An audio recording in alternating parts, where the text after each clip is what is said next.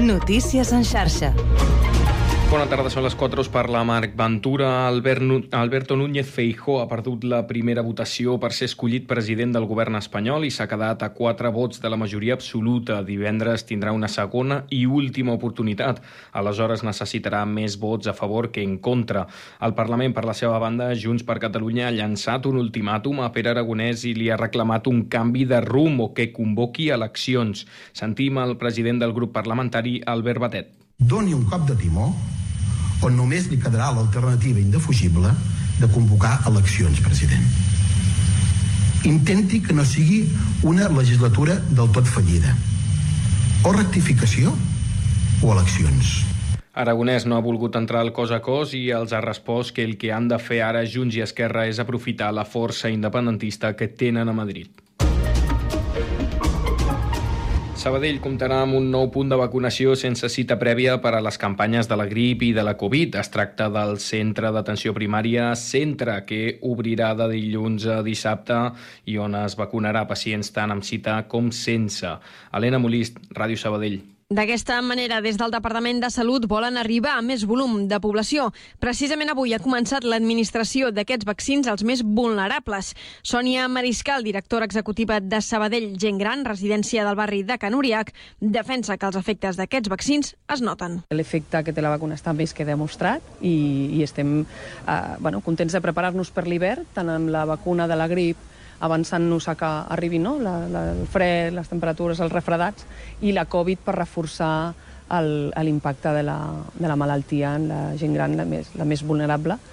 I, de fet, això ja es va notant, perquè hem passat un hivern fantàstic, en què sí hem tingut, en algun cas, ha sigut molt anecdò- anecdòtic, Una de les novetats de la campanya de vacunació d'enguany és que els fumadors de totes les edats també s'hauran de vacunar. Terrassa té un pla de risc de, tota, de tots els arbres per prevenir accidents com els que han passat darrerament a Barcelona, on aquest estiu va morir un noi al caure-li al damunt una palmera.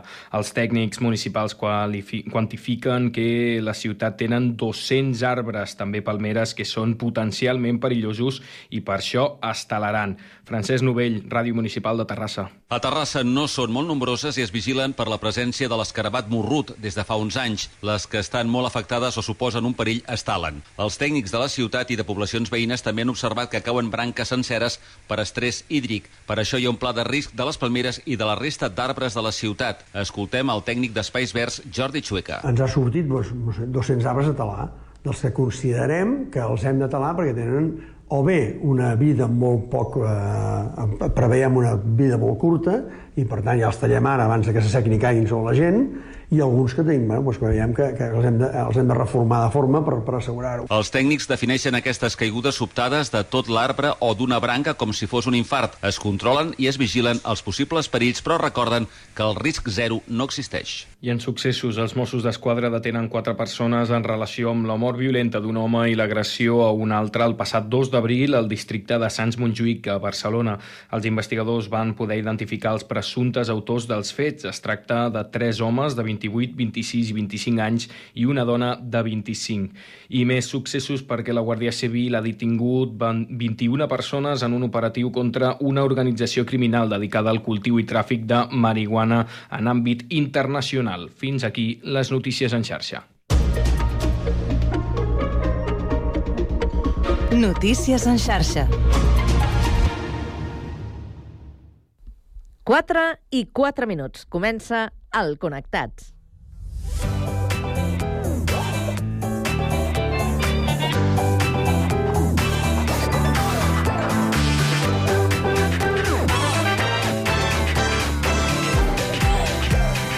Connectats amb Carme Reversa.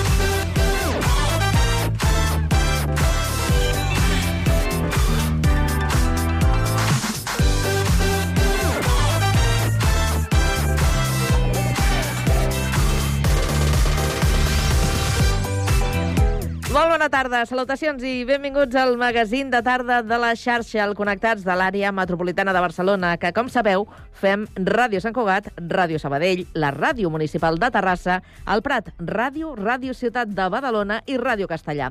Una salutació de tot l'equip conduït a la part tècnica per Oriol Coromina, Jessica Ríos a la producció i de qui us parla, Carme Reverte. Avui és dimecres 27 de setembre i volem saber quin temps ens espera aquesta tarda. Lluís Mi Pérez. No hi ha manera que canvi el temps i, de fet, no portem bones perspectives pel que fa pluja. Aquestes immediates hores, amb molt pocs núvols, alguns que quedaran enganxats bàsicament cap al nord de la Costa Brava, molt a prop del Cap de Creus, bàsicament, també d'altres de baixos que estaran al voltant del Delta de l'Ebre, al igual que les muntanyes de Tarragona, però seran molt dispersos, molt poc importants. I la temperatura que ja s'enfila a hores d'ara i amb ganes, per tant té pressa per fer calor. Al llarg d'aquesta tarda, una altra vegada arribarem a assolir els 30 o 31 graus de màxima a la terra ferma, però és que gran part del país, des de la costa fins a les valls del Pirineu, es mourà entre els 26 i 29 graus. En vista demà, una situació molt semblant. Al matí més núvols baixos que avui, més boires a la Catalunya central, també a Girona, però demà a la tarda el sol s'imposarà i la calor, que serà igual d'intensa per les dates que avui. Us seguirem a la xarxa.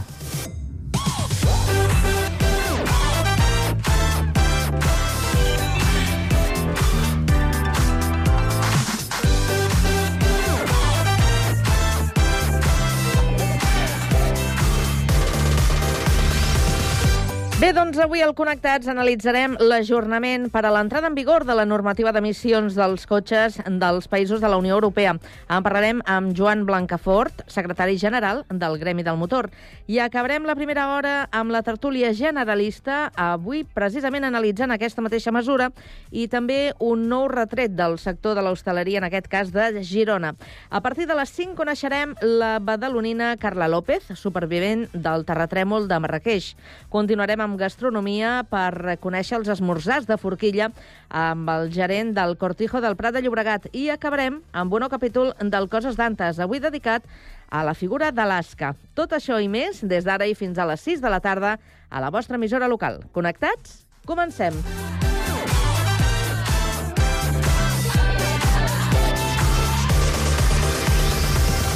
Connectats amb Carme Reverte.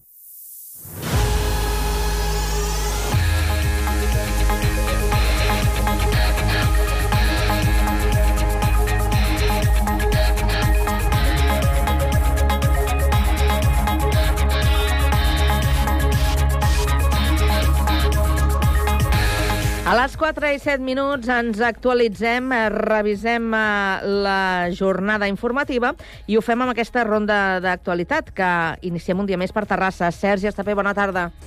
Bona tarda. L'empresa farmacèutica terrassenca Ken Pharma donarà a Eix Alzheimer Center Barcelona la recaptació de la tercera campanya solidària Una abraçada per l'Alzheimer. Amb aquesta acció, la companyia garenca vol conscienciar sobre aquesta malaltia neurodegenerativa tan present a la societat. La campanya va estar activa durant dues setmanes i va finalitzar el passat 21 de setembre en el marc del Dia Mundial de l'Alzheimer. Per cada foto que representés una abraçada, pujada al web connexionalzheimer.com o a les xarxes socials amb el hashtag Un abrazo por el Alzheimer, Ken Pharma ha donat un euro. Aquesta iniciativa solidària, patrocinada per aquesta empresa del sector farmacèutic, cerca buscar i donar veu a les activitats de prevenció i tractament i investigació sobre l'Alzheimer i sensibilitzar a la societat sobre la necessitat d'invertir en investigació per avançar en la lluita contra la malaltia. Ken Pharma forma part de l'empresa familiar Grup Intukern, que és líder en la producció de medicaments genèrics. Gràcies, Sergi. I ara seguim per la cocapital a Sabadell. Avui què és notícia? Pau Duran, bona tarda. Bona tarda. La Bassa ha tornat a trencar tots els rècords de banyistes aquest estiu. Les instal·lacions de Sant Oleguer han superat els 196.000 usuaris, tot superant el rècord de visitants de l'any passat. S'han superat en pràcticament 2.500 el nombre de banyistes respecte a l'estiu de 2022, una xifra, la d'enguany, que ha marcat un nou rècord que va assolir el màxim històric el 2019. Fruit d'aquesta elevada afluència, les cues per accedir al recinte tornen a posar la nota negativa a la temporada. Per això l'Ajuntament ja està pensant fórmules per reconduir la situació. Montse González, tinenta d'alcaldessa i regidora d'Esports, ho ha explicat avui al programa El Cafè de la Ràdio. S'ha de treballar, però sí que una de les coses que ens plantegem és pues, fer una cua més ràpida per a aquelles persones que vinguin amb, amb l'entrada online o que vingui amb abonament, farem campanyes d'abonament perquè és molt més fàcil i sobretot això, fer l'accés molt més ràpid. A banda de la Bassa, les altres quatre piscines municipals han sumat en conjunt més de 117.500 banyistes. Olímpia és la que acumula més usuaris, gairebé 33.900. Gràcies, Pau. I ara anem fins a Badalona. Andrea Romera, bona tarda. Bona tarda, Carme. El regidor de l'àrea de Via Pública i Mobilitat, David Mejía, reafirma que la moratòria de la zona de baixes emissions es durà al ple d'octubre.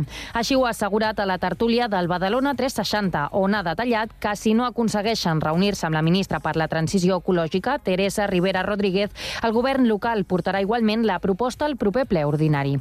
Nosaltres ho portarem a octubre perquè està dins el termini, dins el plaç establert i, per tant, la nostra idea és portar-ho el més aviat possible. El que passa és que en aquest cas en concret, com hi ha hagut aquesta resposta de la ministra, nosaltres el que volem és donar-li doncs, aquesta possibilitat i que nosaltres també volem i ens posem a disposar de la ministra per tal de poder parlar aquesta qüestió. I si la ministra no fa cas, ho portareu a octubre, a aprovació? Sí, perquè nosaltres el que no volem, insisteixo, és perjudicar els veïns i veïnes de Badalona.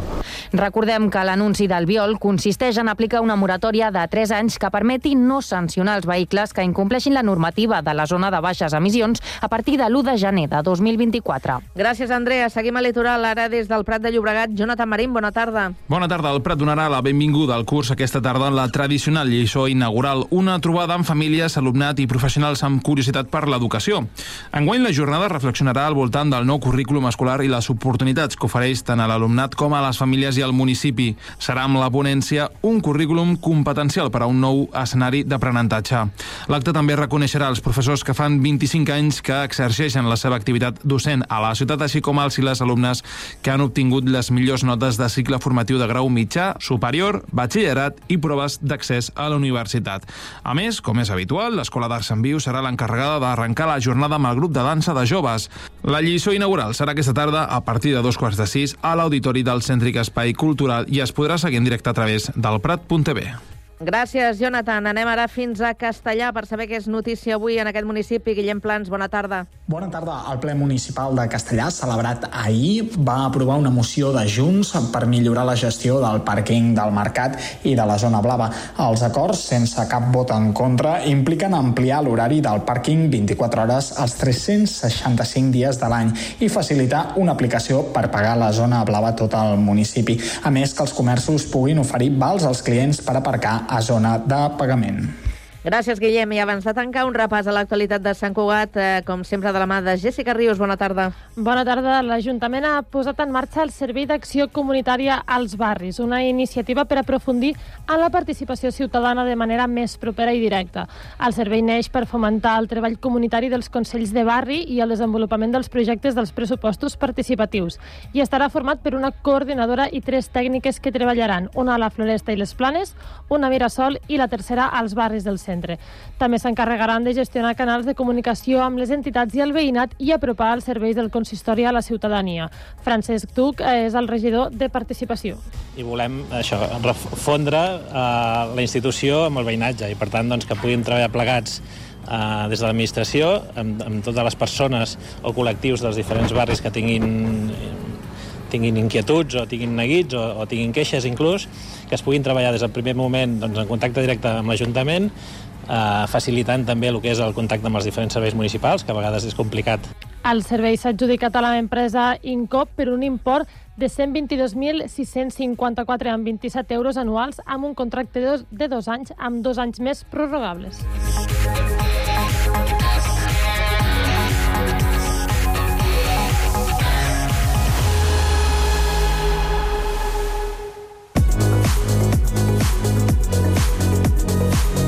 Cada tarda, de 4 a 6, Connectats. Una experiència radiofònica a Sabadell, Terrassa, Sant Cugat, Castellà, El Prat i Badalona.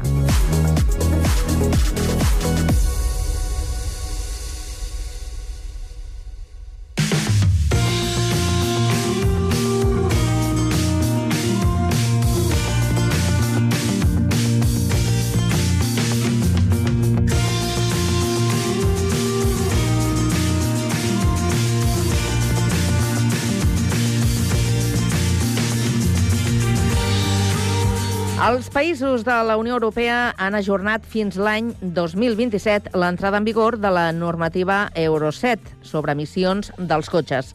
Quines implicacions té això i què hi diu el sector de l'automoció? A veure amb qui podem parlar. Pau Duran, bona tarda. Bona tarda, doncs en parlem amb en Joan Blancafort, que és secretari general del Gremi del Motor. Gràcies per atendre la trucada al Connectat, Joan. Sí, molt bona tarda. A veure, el, aquest ajornament fins al 2027 de l'entrada en vigor d'aquestes emissions dels cotxes i tot el que té a veure amb el sector elèctric, com us l'heu presa?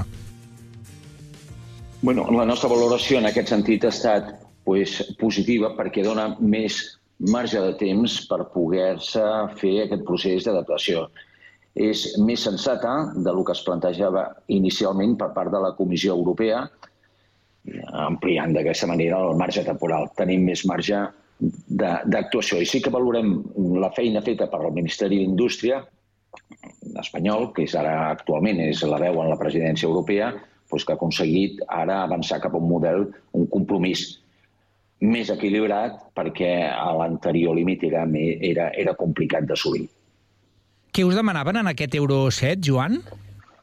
Bueno, en definitiva, l'Euro 7 el que ens obliga és a fer un, l'adaptació de les, uh, dels vehicles amb, amb, les noves motori, amb les motoritzacions actuals, fer-ne una adaptació que suposa su, aconsegueix la, la, o té com a objectiu rebaixar els límits. No? Clar, tot això porta un procés d'adaptació important amb tot el procés de fabricació dels vehicles, que no només uns costos afegits que afecten no només a la tecnologia, sinó que els vehicles s'han de redissenyar, s'han de fer nous dissenys per adaptar eh, a les, als nous límits, noves homologacions, nous testos, nous, nous sensors i una càrrega burocràtica addicional perquè, clar, posar en marxa tot aquest procés per cada, marc, per cada marca, cada model, eh, per complir la nova normativa Euro 7, pues, té uns costos que nosaltres estimem així per sobre per, per uh, vehicle lleuger de 3.000 euros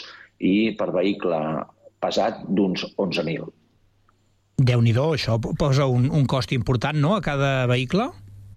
Eh, clar, és un cost que és la, treballem amb aquestes previsions, el que suposava, quan també hem de tenir molt en compte que hi ha un horitzó, hi ha una fita que ja és prou coneguda, que l'any 2035 els vehicles s'han d'adaptar perquè eh, les emissions acabin sent en zero, zero emissions, doncs aquest objectiu és un objectiu que s'ha d'assolir, però és que per, pel mig ara es posa un, un nou procés d'adaptació dels vehicles actuals, dels vehicles que actualment estan en, en circulació que, o que es matriculen o que es comercialitzen.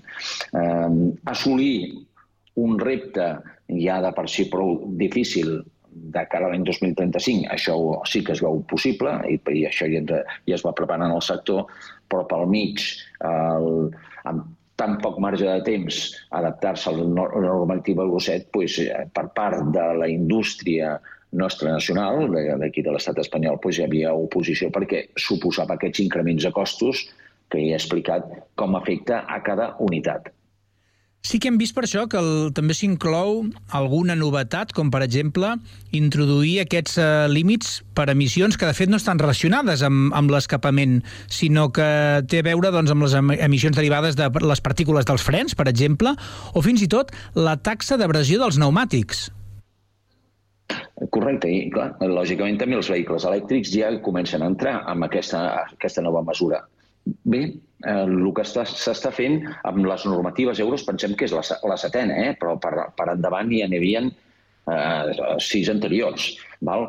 Doncs cada vegada els límits eh, són més eh, baixos, lògicament com ha de ser, però més tenen una afectació major amb, amb el vehicle ja no només centrats en la motorització i les emissions, sinó també doncs, amb el que has explicat de les abrasions, per tant, eh, la cobertura o els límits són més amplis, sí. Aquest eh, cavall de batalla, eh, suposo que hi ha un factor també territorial, que és que això afecta a Europa, però mm, falta veure què passarà a la fabricació a la resta del món, eh, perquè llavors ens podem trobar amb, circulant pel continent europeu vehicles que estan fabricats a fora del continent i per tant no compleixen aquests estàndards? Això no anirà així perquè aquests vehicles, per poder-se homologar a Europa, pues, eh, hauran de complir les, les normatives d'emissions. Però sí que és cert que, eh, si ho mirem en un context mundial, les, eh, les, aquesta norma europea pues, és molt més rigorosa que en el, en el reste del món. O sigui, som molt més exigents aquí a Europa perquè es puguin circular els nostres vehicles que en la resta del món. I, I això mm, entenc, Joan, que pot mm, generar un efecte una mica de punta de llança, no? de si saben que per circular aquí s'ha de produir així, al final a veure si a, si a la majoria de llocs es pot produir d'aquesta manera, sense contaminar tant. Correcte. Aquí a Europa s'ha volgut liderar aquest, uh, aquest canvi eh, de, de, de, de criteri mediambiental per protegir el medi ambient i per fer front al, als canvis, al canvi climàtic. Doncs s'ha volgut eh, liderar aquest projecte, evidentment que tindrà una repercussió, i ens consta que és així, amb la resta de mercats eh, eh, diferents a l'europeu. El, tenim altres temes sobre la taula, per això que també en, ens agrada anar-vos preguntant de tant en tant, Joan, perquè mm, al final una mica també costa controlar totes les novetats. Per exemple, eh, un d'ells era aquest eh, famós motor de combustió que podia acabar funcionant amb un combustible renovable. En quin punt està això? En, en aquests moments eh, eh, s'està avançant, que són combustibles sintètics, i eh, actualment els costos de producció continuen sent superiors al, al, al petroli, diguem, d'alguna manera, els, els eh, generats al petroli. Eh, I el que s'està treballant és perquè aquests vehicles també s'incorporin, puguin ser aptes per circular l'any 2035, i, lògicament, això passa per també que en la seva producció massiva doncs, els costos es redueixin substancialment s'avança en aquesta línia. Això és, és una possibilitat, a part del vehicle elèctric, que també eh, contemplem en el sector. Eh, perquè aquests combustibles que el podrien funcionar en els eh, motors ara mateix de, de combustió, que són, diguem-li, més ecològics, però que eh, ara mateix costen més de produir que, que el que és la benzina que ve del, del petroli, d'on provindrien? De, de, de quin mena de combustibles són? Són combustibles que són sintètics, que es produeixen, tenen un origen vegetal eh, i que, per tant, eh, el que s'està procurant és que per poder mantenir el motor de combustió, l'energia, la propulsió, en lloc de ser el petroli, diguem, d'origen, doncs, sigui, tinguin aquest component més, eh, més vegetal. Val? I pel que fa a la banda de, de que és pròpiament el vehicle elèctric, Joan, en quin punt estem? S'està avançant molt. La veritat és que si anem fent una projecció històrica de com ha anat, com ha anat tenint més presència el vehicle elèctric en el mercat, l'evolució és positiva, es veu clara, però sí que és cert que quan ho compares amb altres països del nostre entorn europeu, doncs aquí a Catalunya i a Espanya doncs, anem eh, per sota de les previsions.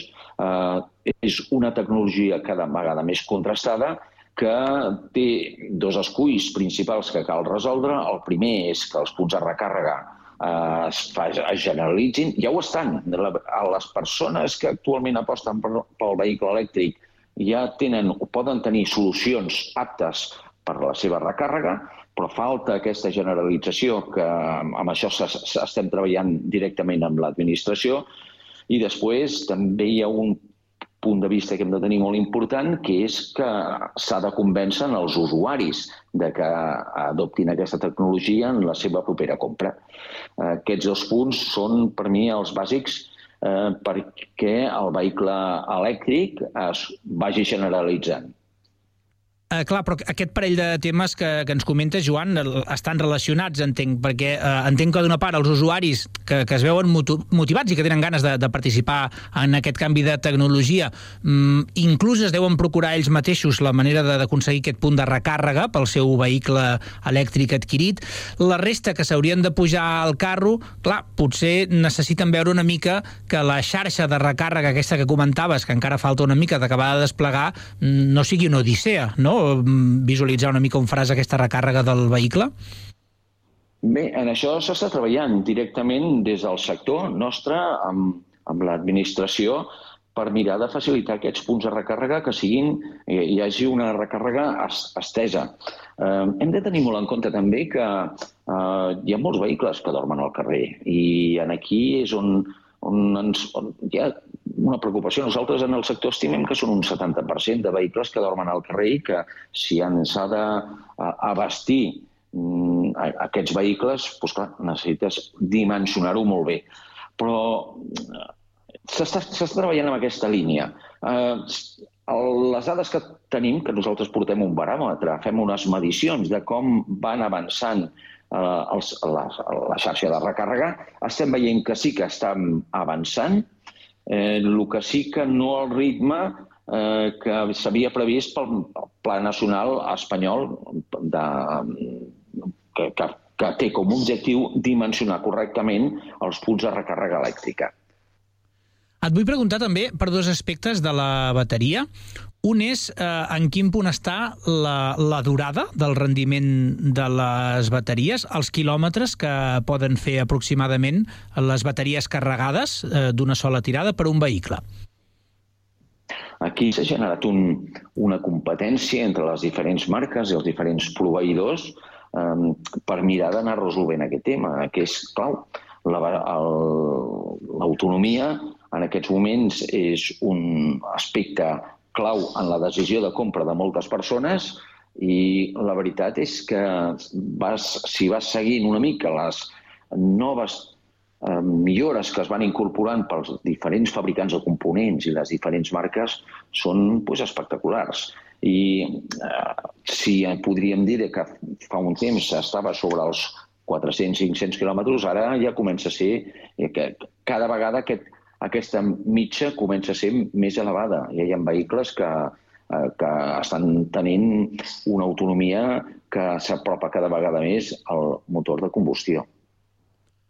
Joan, no volia acabar sense preguntar-te per un tema que, que surt molt a, les sobretaules, eh, aquestes allò de mm, converses de cunyats, eh, que sempre quan, quan surt el, el cotxe elèctric perquè algú ja l'ha adquirit o se l'ha mirat o alguna cosa, sempre, sempre tenim debat sobre el mateix els cotxes elèctrics seran més barats o més cars de reparar? Aquestes peces eh, costen més, costen menys? Què ens en pots dir? Més econòmics. Més econòmics eh, perquè són molt més senzills en quant a, al, al número de components que hi ha en, en, el, en el motor. Eh, en principi, els costos eh, sí que estem veient que són més econòmics, no, no passen tant eh, per al taller i, per tant, eh, el problema sobretot se centra en la seva adquisició i la seva adquisició vinculada a, la, a, de, a tenir previst com fas la recàrrega. O sigui, o sigui, tenir un punt de càrrega a casa teva o... En fi, hi ha una sèrie de despeses que, que estan vinculades amb el, amb el canvi de, de la disposició d'un vehicle amb motor de combustió a un motor elèctric. Doncs Joan, moltes gràcies per actualitzar-nos eh, en aquesta fotografia del moment de com està aquesta normativa sobre les emissions dels cotxes a la Unió Europea. Pues moltes gràcies a vosaltres i encantats de, de, de que ens donem aquesta oportunitat d'explicar el nostre punt de vista ja et dic que us anirem trucant, eh, perquè aquest tema ens interessa molt i cada cop que veiem una novetat eh, dius, ostres, aviam del gremi del motor què ens poden dir sobre quina és la fotografia real sobre el terreny. Una abraçada, Joan. Gràcies a vosaltres.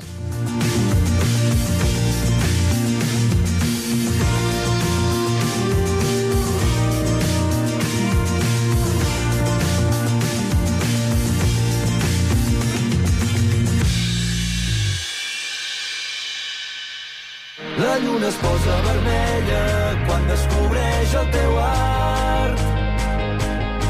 I ens hi posem tan fort que portaríem la vida a mar. Quan els dos som un, descobrim un món profund i donem llum a mil ciutats. Vam néixer per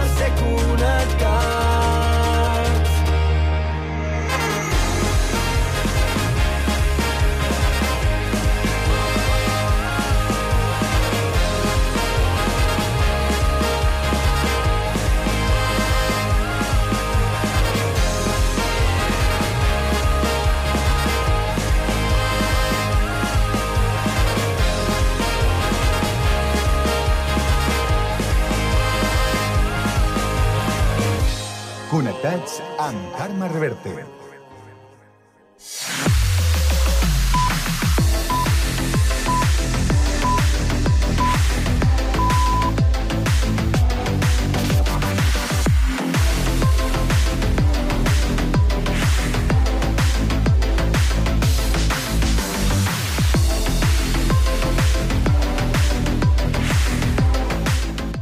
Quarts de cinc de la tarda i arribem puntuals a la cita amb l'Espai d'Opinió, la tertúlia Tres Bandes, que avui la compartirem amb l'Emili Miquel, que és director de Correu Jubilat, i el tenim al Prat. Emili, bona tarda.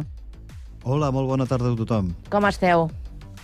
Eh, Bé? bé, una mica tristos perquè hem passat la festa major i, i pobre de mi, pobre de mi, no? Ai, esteu de ressaca. Això, mate això mateix. Molt què, bé. Què farem? Home, doncs, eh, escolta, també s'ha d'acabar per eh, tenir eh, la il·lusió i les ganes de tornar a, a recuperar-la, no?, d'aquí un temps, d'aquí uns mesos. No patiu, que tot Sí, sí. arriba. Tot arriba. Això que, no fal això que no falti, sí. Ah Anem a Castellà. Allà hi tenim l'Antònia Pérez, que és directora de l'Escola d'Adults. Antònia, bona tarda. Hola, bona tarda. Com esteu? Molt bé, doncs aquí disposats a escoltar-vos i a compartir aquesta estoneta de, de ràdio per parlar de temes de- d'actualitat, ni més ni Per menys. descomptat, per Mhm. descomptat.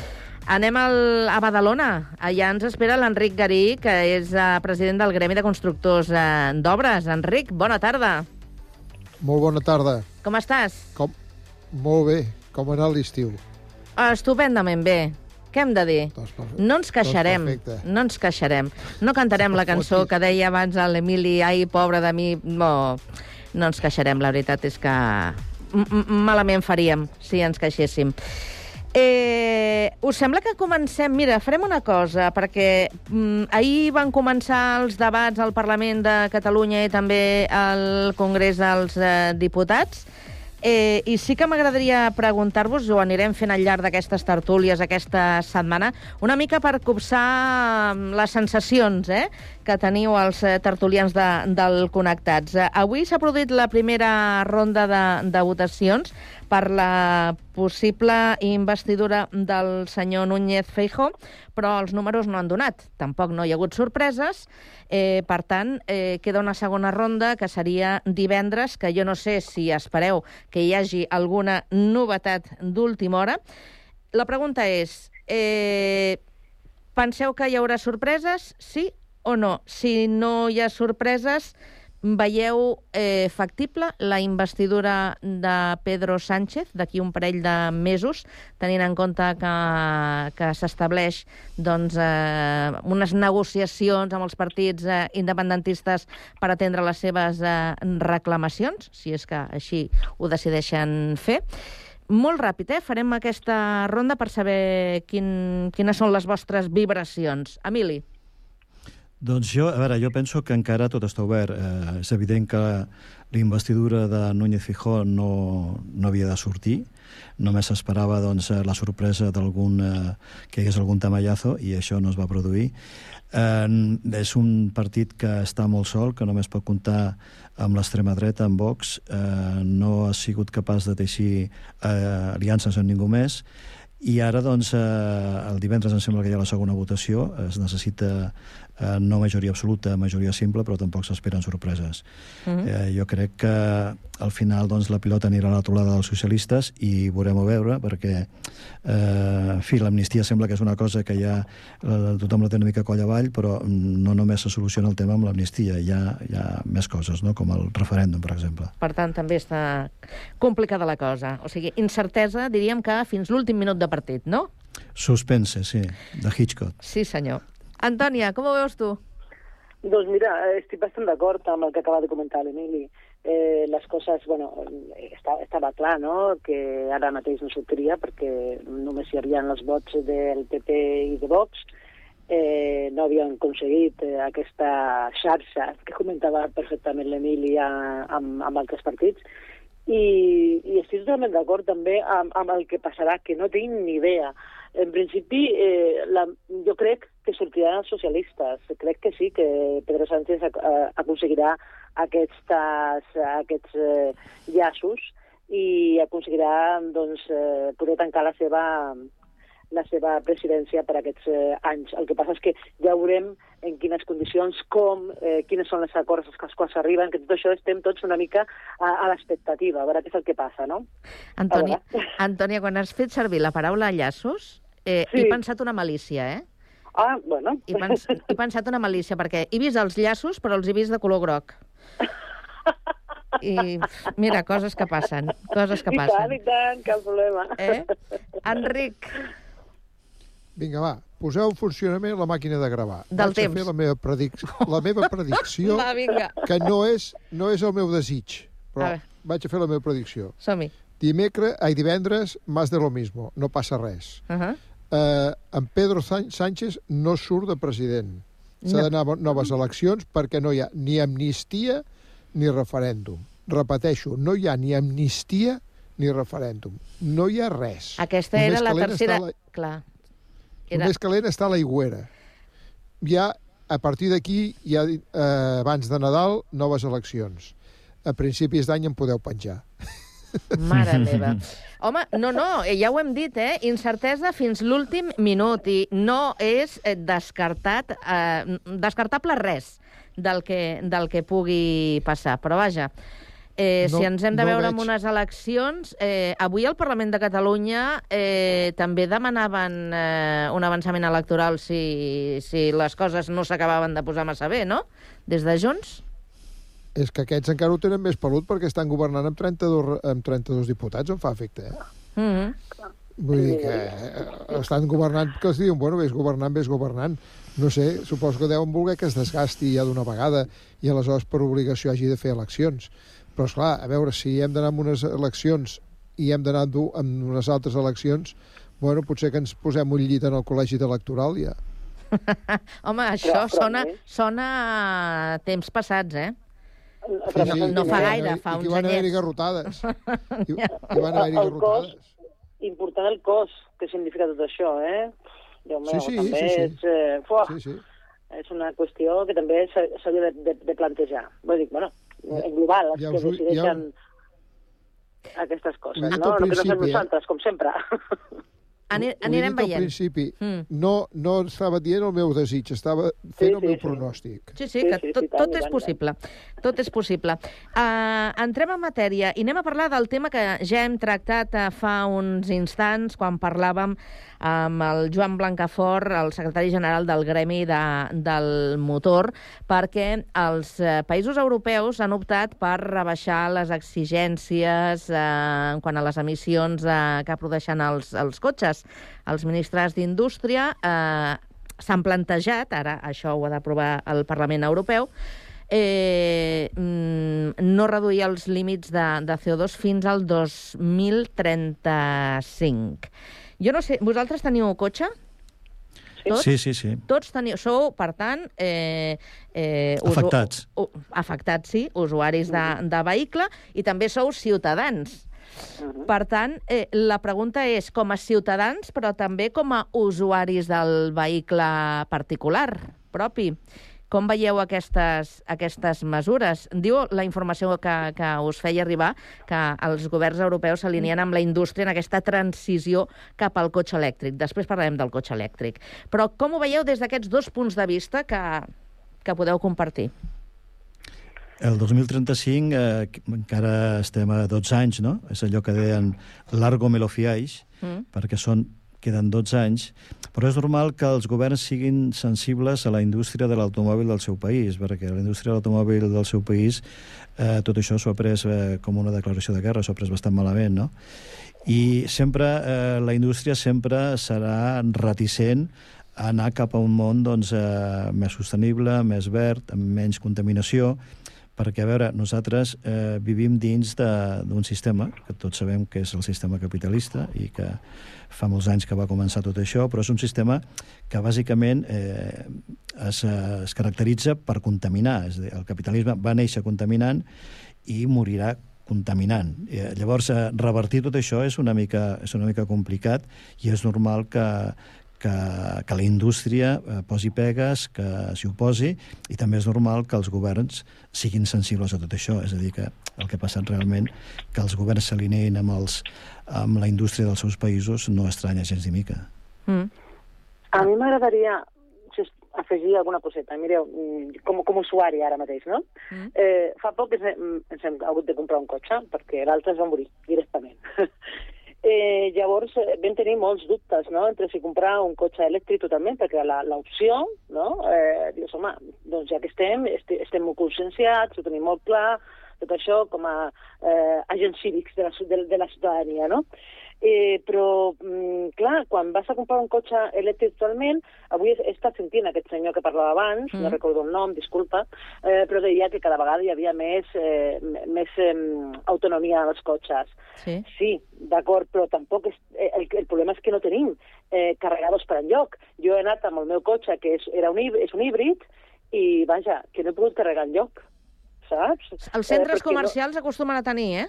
Sí, sí, sí, sí, sí, ho sé, però dius, bueno, a veure, eh, anava en un viatge, eh, hem, anat, hem agafat eh, un viatge llarg i, o bé, si, te, si decideixes anar amb un cotxe elèctric, has de mm, eh, organitzar el, el teu viatge eh, en base als, als diferents punts de càrrega que hi ha ràpides, que són, em sembla que ha, eh, que ho vaig, ho vaig mirant, uns 200 i pico de, de punts, potser ara hi ha alguns més, Mhm. eh, de càrrega ràpida, però que eh, la resta has d'estar no sé quantes hores ja esperant que se carregui el, el cotxe. Vull dir, aquests que són dels, dels centres comercials són d'aquests lentes, que, bueno, Mhm. doncs estàs un, un temps. Una estoneta. Clar, eh, una estoneta, una bona estoneta. Clar, llavors dius, home, eh, què faig? Em compro un cotxe elèctric totalment, no me'l compro perquè haig d'anar fent els viatges si em desvio i si em quedo sense eh, bateria i si em passa... Ja, ja saps allò que dius, comences a patir una mica, no? Escolta, Antoni, em situacions. permets que et pregunti, què et va semblar el preu de, del teu cotxe elèctric? Assequible?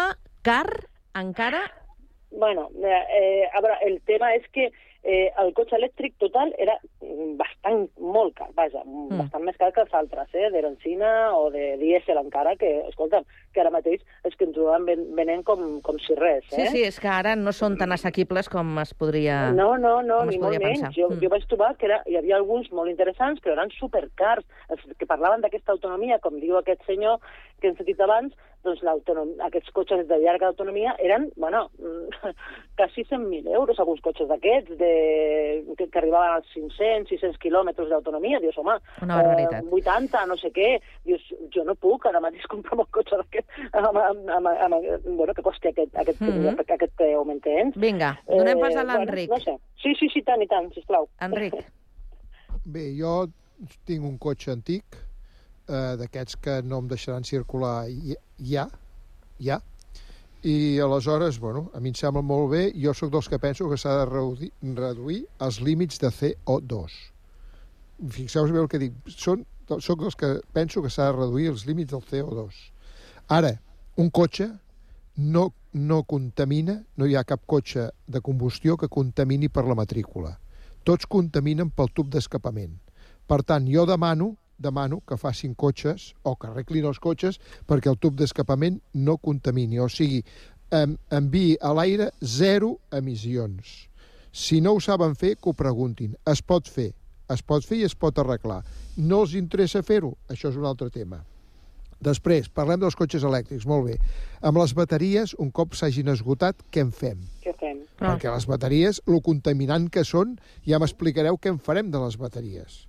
Després, una altra cosa, amb el tema dels cotxes elèctrics, tenen una, una, una duració les bateries, sí, sí, però i si trobes una cua?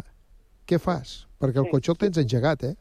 I està gastant bateria. Vull dir que arribarà un punt que no t'hauràs mogut 10 quilòmetres i t'hauràs quedat sense bateria. Punt 4. No podem posar portes al camp. O sigui, deixem-los estar a dir tonteries de les ciutats de més de 50.000 habitants, no sé què, tot això són tonteries. La C32, la C55, la AP2, expliqueu-me totes aquest, aquestes vies quan creuen aquestes ciutats. No, aquests no contaminen. Que fem conya, o què? Ens hi posem en sèrio amb no contaminar o anem dient tonteries una darrere l'altra? Perquè per mi que l'únic que estan fent aquesta gent és dir tonteries una darrere l'altra. I a veure si algú posa seny amb tot això. Eh, ara que parlàveu de, de la- l'Antònia ja ens ha explicat que ella s'ha hagut de canviar el cotxe perquè el seu ha dit eh, fins aquí he arribat. Eh, si haguéssiu de comprar un cotxe ara mateix, eh, tu t'hi trobaràs segurament, no, en, Enric? Si haguessis de decidir sí. què compres, un, eh, un de... de, de, de Un híbrid. De, un, un, un híbrid? Un híbrid. I... Jo se l'he comprat. Sí? I, i Sí, això? sí, sí. Un híbrid? Jo A veure, és... No, no, és- et veig veure, molt, molt convençut. Sí, sí, sí, perquè és que no me n'enfio dos carregadors de les bateries. No me n'enfio gens. I em, em, temo, em temo de que un dia em trobaré amb una cua de cotxes, amb el cotxe sense bateria, i llavors què faig? Perquè no puc anar a buscar benzina per posar-lo en lloc, eh? Ha de venir algú a carregar-me el cotxe. Mm. Vull dir, no ho, veig, no ho veig gens pràctic, això. A veure- Ja et dic, I a part, a part del tema de les bateries. Clar, a, Emili, De totes, maneres, de totes maneres, eh, jo l'altre dia vaig quedar molt sorprès perquè vam tenir una reunió de veïns i l'administrador de finques ens va explicar que d'aquí uns anys, eh, que no trigaríem, no trigaríem gaire, que ja hi hauria un carregador eh, a cada plaça de pàrquing, són eh, 35 places de pàrquing, que aniria connectat al nostre comptador. Llavors, la, diguem, el problema es plantejava amb aquells que no viuen al bloc i que, lògicament, no anirà directament al seu comptador perquè viuen, al, viuen dos Clar. carrers més enllà, no? quatre Mm. carrers més enllà. Però tot això també estava solucionat i ell ens va explicar la solució, que hi hauria un comptador part. I em vaig quedar, jo que sóc una mica escèptic amb tot això, em vaig quedar una mica sorprès de que aquest senyor, aquest administrador de finques, ja tot això ho tingués al cap i que sapigués com es resoldria això d'aquí uns anys. Vull dir que això està... Vaig tenir la sensació de que això estava més, més avançat del que nosaltres ens pensem. Vull dir que hi ha coses així pràctiques que ja se'ls ha buscat una solució. I, eh, clar, jo pensava dir que això, això que deia l'Enric, no? que ens trobarem que, a veure, ara mateix on carregues un cotxe? Eh, ja comences a veure carregadors, però fa quatre dies no veies, no veies, eh, no veies cap carregador. Ara ja comences a veure. Doncs això ja està previst. De totes maneres, a mi m'agradaria dir que a vegades jo tinc una mica la sensació com a ciutadà que fan amb nosaltres el que volen. Jo fa uns anys jo sempre havia tingut eh, cotxes de benzina i eh, em sentia malament perquè tothom tenia cotxes de dièsel perquè ens Sí. sí. empenyien a comprar cotxes dièsel. No? Mhm. Finalment he tingut un dièsel. I ara que tinc un dièsel, al cap d'un any, resulta que els dièsel són assassins en sèrie, que no pots anar amb un dièsel perquè t'empaiten, no? Clar, i després ens en oblidem d'una altra cosa. La indústria, eh, la indústria elèctrica també contamina. O no contamina la indústria elèctrica? Les centrals elèctriques contaminen o no contaminen? Sí. L'electricitat d'on surt? Surt de les centrals elèctriques. Sí. Un, aquests vaixells que van per l'Atlàntic o per el Pacífic i que porten mercaderies, aquests vaixells impressionants, es veu que contaminen com a 10.000 cotxes, un vaixell. Llavors de què estem parlant? Perquè aquests vaixells segueixen circulant, necessitem que circulin, que les mercaderies vagin d'aquí cap allà, eh, els avions, etc etc. I sembla que el gran enemic, l'enemic públic número 1 sigui el cotxe, i que el ciutadà, doncs, eh, amb el seu cotxet, hagi de solucionar, diguem, la, la contaminació del planeta. Ho trobo una mica exagerat. Eh, Estic totalment d'acord amb tu. A més a més, ens han ficat aquesta idea, eh? Jo, de fet, perdona, eh? jo, de fet, he- hem acabat posant plaques solars, tenim les plaques, tenim el carregador, per, per, bueno, per, per intentar eh, no contaminar, no consumir, no sé què, però dius, ostres, eh, tot això no ho pot fer tothom, de veritat, perquè són, són, és, és una despesa importantíssima, eh? Disculpa que... Sí, ens porten fiqui cap cunyada. aquí, ens porten cap allà, Sí. i nosaltres som eh, gent Sí, sí. molt obedient, ciutadans molt obedients, que ja està bé, no? però potser alguna vegada ens hauríem de reblar i dir, escolta, què passa aquí? No? Vull dir, nosaltres fem tot allò que ens dieu i a vegades potser ens hauríem de, de plantar-nos i reflexionar una mica, no? No sé. Tanques, Enric, que volies afegir em alguna cosa? Sí. Sí, eh, em temo recordar de que has parlat de que el teu pàrquing eren 35 places de cotxes, Sí. més o menys. Sí, són ara imagina't- exa exactes. Tu, tu, ara, tu ara imagina't, imagina't la situació. Una nit, una nit, que pot ser una, dues, tres, vuit, a, sis a la setmana, Sí. 30 cotxes carreguen a l'hora. Tu creus que la, la instal·lació elèctrica del carrer està preparada per aguantar 10 pàrquings com aquest teu? I, a més a més, els aires acondicionats i les calefaccions i totes aquestes coses?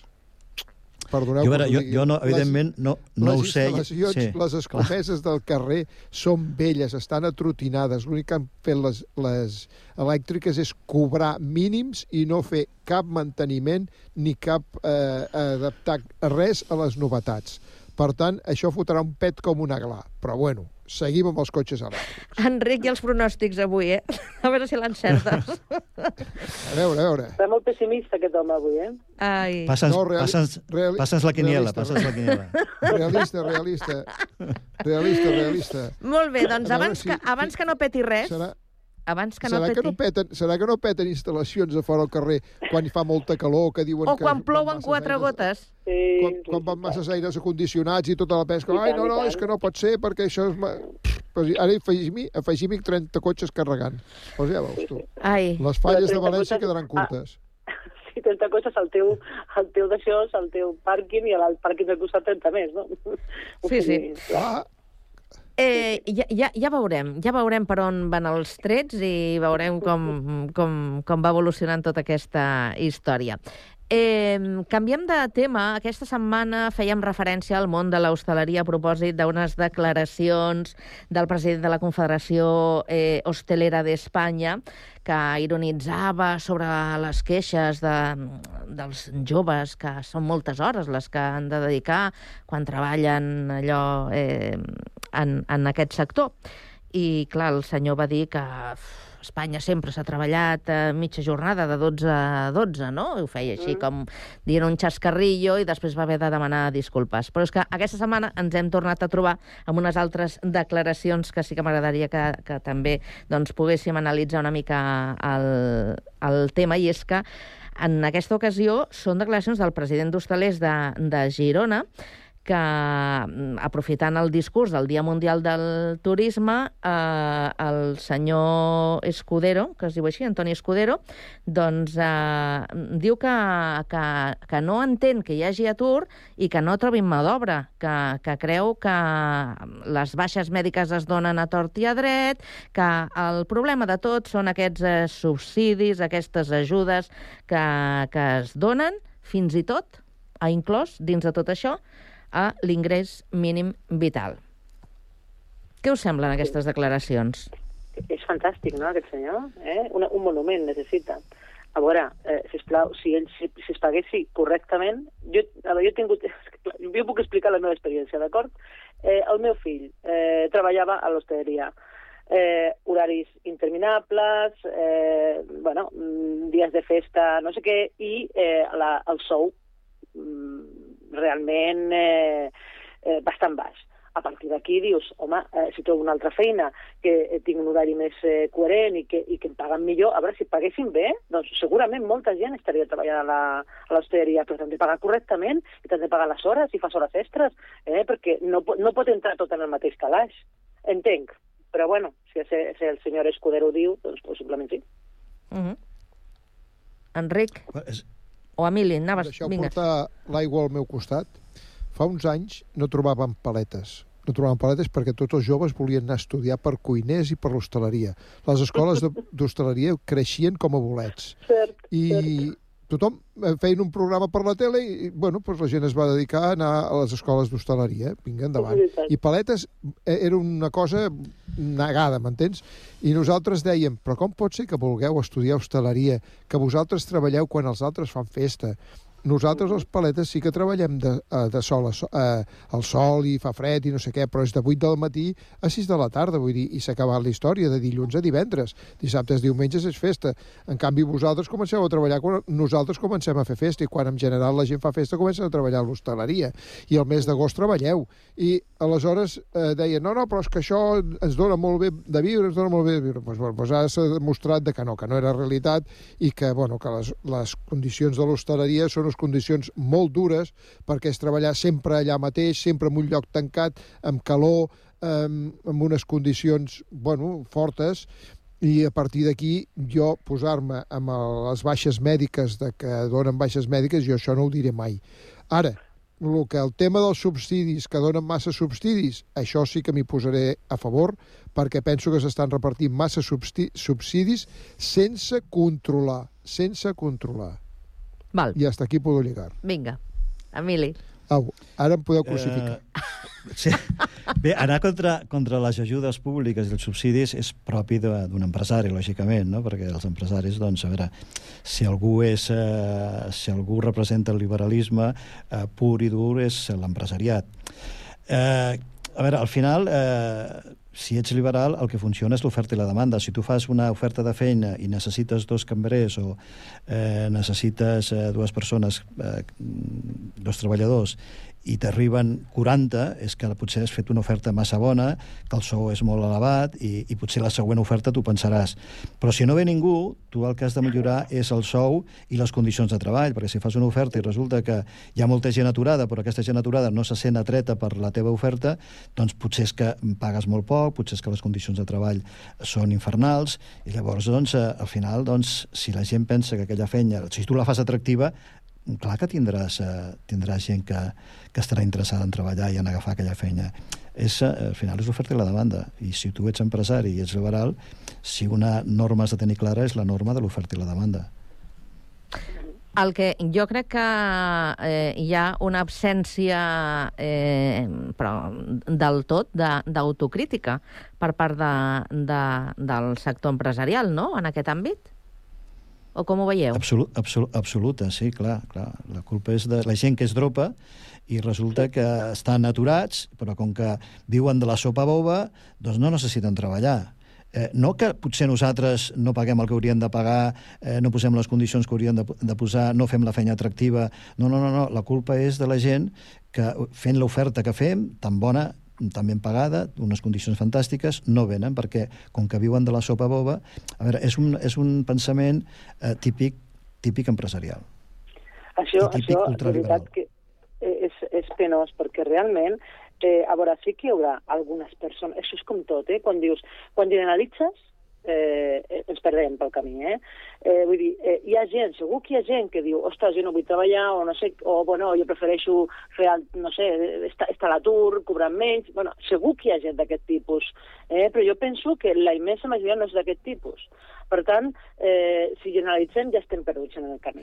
I, Ah. i crec que, que la- l'oferta és, com bé deia l'Emili, la, la clau una bona Mm. oferta i, i uns, un, uns horaris correctes. Si tu necessites eh, dues persones, no facis una oferta per una, que és el que es fa en moltes ocasions. Clar, jornades laborals interminables, no sé quantes hores, això no, això no, no és factible. En continuarem, continuarem parlant d'aquests i altres temes de l'actualitat. Gràcies als tertulians d'avui, l'Emili, l'Antònia i l'Enric, per acompanyar-nos al Connectats. Que vagi bé la tarda, senyors i senyora. Adéu-siau. Igualment, a vosaltres. Adéu-siau. Adéu-siau.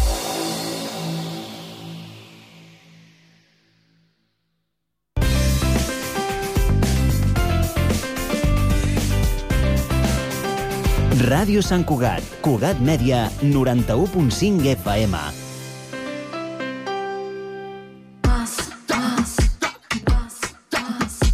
Pide por esa boquita, un viajar, disfrutar de un verano mejor, vamos, grita, que lo que se da no se quita. Tot el que li demanes a l'estiu, demana-li al nostre assessor i aconsegueix fins a 500 euros en un cupó regal del Corte Inglés i molt més. Consulten les condicions. Viatges al Corte Inglés. A Sant Cugat, Braseria La Bolera, el restaurant braseria situat al vell mig de la ciutat. Més de 20 anys oferint la més alta qualitat en tots els seus productes, en amanides, carns, verdures, Braseria La Bolera. Amplis menjadors per a celebracions familiars, batejos, comunions, casaments, Braseria La Bolera. Els que ja la coneixen sempre hi tornen. Baixada de l'Alba 20, al costat del monestir. Telèfon 93 674 1675.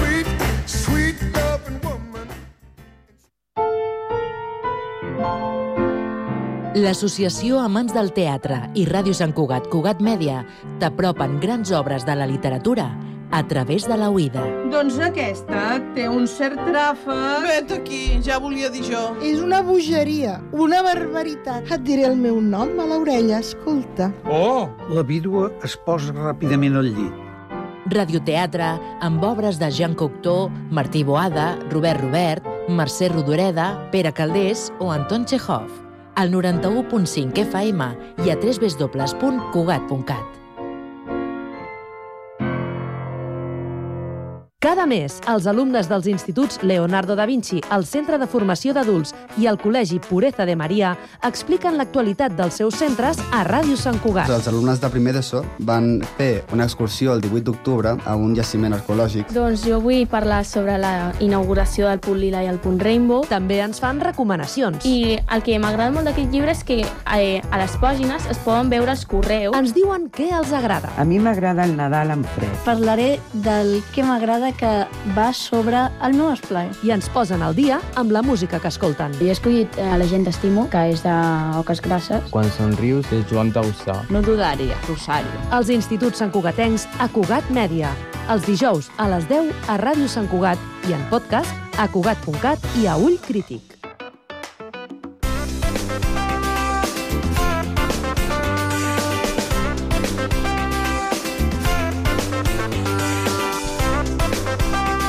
Ràdio Sant Cugat.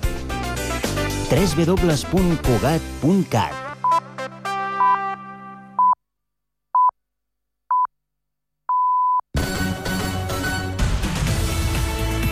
Ràdio